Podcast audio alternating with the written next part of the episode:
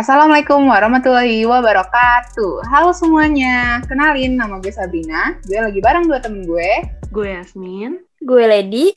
Perkenalkan, kami mahasiswi Universitas Negeri Jakarta, Fakultas Ilmu Pendidikan, Prodi Pendidikan Masyarakat. Selamat datang di podcast Ngos-Ngosan, ngobrol-ngobrol santai. Eh gimana nih kabarnya? Lebaran pada ke mana aja nih? Baik dong. Kalau gue sih lebaran di rumah aja. Kan sesuai peraturan pemerintah. Ih, berarti bosen dong kalau nggak jalan-jalan. Pasti nggak dapat THR. Ya nggak bosen dong, kan kalau silaturahmi bisa lihat video call.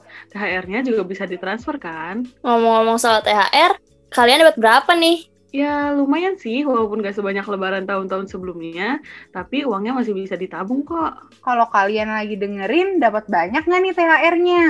Kalau gue sih sama kayak Yasmin, nggak terlalu banyak, tapi bisa lah buat ditabung. Wah, rajin banget ya ditabungin. Kalau gue sih udah nggak tahu tuh ke mana uangnya. Iya dong, rajin. Kalau soal uang, gue udah harus mikirin dan nyiapin dari sekarang. Supaya nanti kalau gue ada kebutuhan mendadak, gak keteter deh tuh jadinya. Iya ya, perencanaan keuangan itu ternyata penting banget loh. Apalagi kalau kita udah berkeluarga, pasti berasa banget deh manfaatnya. Nah, pas banget nih lagi ngomongin masalah uang. Yang mau kita bahas hari ini kan juga tentang keuangan keluarga. Oh iya, pembahasan kali ini bukan cuma buat yang udah berkeluarga aja ya. Buat kita yang masih muda juga penting loh melakukan perencanaan keuangan, apalagi anak zaman sekarang tuh. Seneng banget yang namanya jajan. Jajan boba lah, jajan skincare lah, kalau ada promo dikit pasti langsung jajan. Nah, gue juga udah nanya nih sama temen-temen gue di Instagram. Setelah upload polling selama 5 jam, ternyata dari 70 orang yang ikutan ngevote, ada 65 orang yang milih kalau perencanaan keuangan keluarga dalam keluarga itu penting untuk dipelajari dari masih muda. Emangnya lo tahu perencanaan keuangan keluarga itu apa? Taulah, perencanaan keuangan keluarga itu pengelolaan keuangan yang dilakukan oleh sebuah keluarga untuk mencapai tujuan yang efektif, efisien, dan bermanfaat. Jadi, keluarga tersebut menjadi keluarga yang sejahtera. Nah, langsung aja nih ya kita bahas 7 prinsip perencanaan keuangan keluarga. Yang pertama itu, belanja harus lebih kecil dari pendapatan dalam berkeluarga, kita nggak boleh belanja melebihi pendapatan, karena jika itu terjadi, maka keuangan keluarga kita udah pasti berantakan deh. Nah, benar banget tuh kata Lady. Kita harus bisa memilih mana barang yang memang kita butuhkan sama yang nggak terlalu kita butuhkan. Biasanya sih kalau kita kebanyakan belanja, pasti nggak jauh-jauh deh sama yang namanya hutang. Eh, pas banget sama prinsip yang kedua. Prinsip yang kedua itu menghindari hutang. Mungkin awalnya karena terpaksa, jadinya nggak ada pilihan lain selain ngutang. Karena kalau udah sekali nyobain ngutang, pasti jadi keterusan. Tapi dalam berkeluarga kayaknya agak susah ya buat menghindari hutang, karena banyak banget tuh keperluannya, apalagi keluarga yang udah punya banyak anak. Ada nggak sih caranya biar kita nggak ngutang? Nah, jawaban dari pertanyaan ini mudah banget, yaitu dengan menyesuaikan penghasilan dan pengeluaran yang kita miliki. Pastikan setiap bulan jumlah pengeluaran tidak lebih banyak dari penghasilan yang didapatkan. Dan tidak kalah pentingnya, kita harus memiliki dana darurat karena jika terjadi hal-hal yang tidak diinginkan, kita bisa mengandalkan dana darurat tersebut sehingga dapat menghindari yang namanya berhutang. Lanjut ke prinsip yang ketiga, yaitu hiduplah secara sederhana. Sebuah keluarga dengan penghasilan yang cukup banyak mungkin punya struktur belanja yang berbeda dengan keluarga yang berpenghasilan lebih sedikit.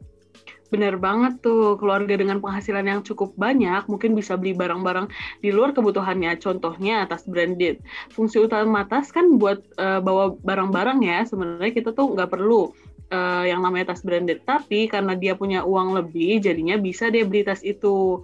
Sedangkan untuk keluarga yang berpenghasilan lebih sedikit, mungkin cukup untuk membeli tas yang biasa aja, yang sesuai lah sama fungsi, uh, uh, fungsi sama utama dari tas tersebut. Tapi hidup sederhana bukan berarti membuat diri kita tuh jadi tersiksa. Karena yang paling ideal adalah ketika kebutuhan kita bisa terpenuhi dengan baik, dan di sisi lain masih ada kelebihan yang bisa digunakan untuk berbagi kepada sesama. Yuk kita lanjut ke prinsip yang keempat, yaitu atur budget dengan sederhana. Atur budget dengan sederhana di sini tuh maksudnya menentukan anggaran dana yang akan kita gunakan untuk memenuhi kebutuhan pokok dan sekunder, serta dana yang akan kita simpan. Emang bisa? Gimana sih caranya? Bisa dong. Contohnya tuh pakai amplop aja buat kita misain uangnya. uh, kayak amplop satu buat beli makanan, amplop dua buat beli pakaian, amplop ketiga buat bayar cicilan, terus sisanya bisa ditabung deh. Jadi uang yang ditabung bisa buat beli barang yang kita inginkan nanti. Oh, berarti bisa dong kita tulis anggaran keuangan menggunakan media kertas secara manual maupun yang berbasis aplikasi digital atau online. Yap, bener banget tuh. By the way, itu masih nyambung loh sama prinsip kelima, yaitu jadikan pos pengeluaran yang pertama adalah tabungan. Nah, ini relate banget sih sama gue, karena kerasa banget manfaat di akhirnya. Eh, iya gue juga tahu. Gue kan udah diajarin tuh dari kecil, jadi berasa banget manfaatnya sekarang. Nah, kesadaran pentingnya akan nabung tuh emang harus disadari sejak kita masih kecil. Apalagi dalam membangun rumah tangga. Kesadaran untuk menabung tuh penting banget loh. Gak harus besar kok. Yang penting itu keteraturan menabung berapapun jumlahnya agar kebutuhan di masa depan bisa tercapai dan gak ada penyelesaian di kemudian hari. Nah, manfaat menabung bisa juga berfungsi untuk dana persiapan kebutuhan masa depan. Misalnya untuk membeli uh, atau membangun rumah, atau membeli kendaraan, pendidikan anak, atau keperluan ibadah umroh atau haji. Hmm, benar-benar benar. Lanjut lanjut. Prinsip yang keenam itu bayarlah tagihan sesegera mungkin setelah tagihan diterima.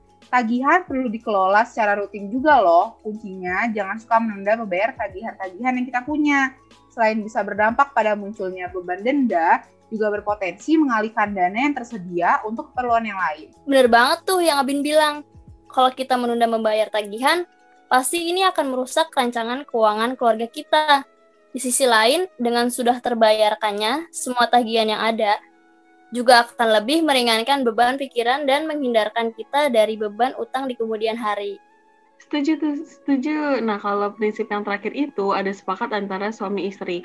Dalam berkeluarga penting adanya pembagian peran agar tidak menghilangkan komunikasi yang sifatnya dua arah atau timbal balik.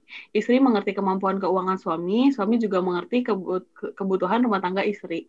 Betul, soalnya dalam keluarga itu harus saling terbuka dalam segala hal, termasuk keuangan. Kalau dua-duanya saling terbuka dan mengerti, jadinya kan mudah untuk mengatur keuangan keluarganya. Lebih ideal lagi kalau semua hal bisa dibahas bersama, mulai dari sumber penghasilan, alokasi keuangan keluarga untuk kebutuhan harian, besaran tabungan, pilihan investasi, hingga rencana jangka panjang seperti membeli mobil maupun pendidikan anak. Jadi, keputusan keuangan apa pun yang diambil sebaiknya dikomunikasikan dengan baik bersama pasangan.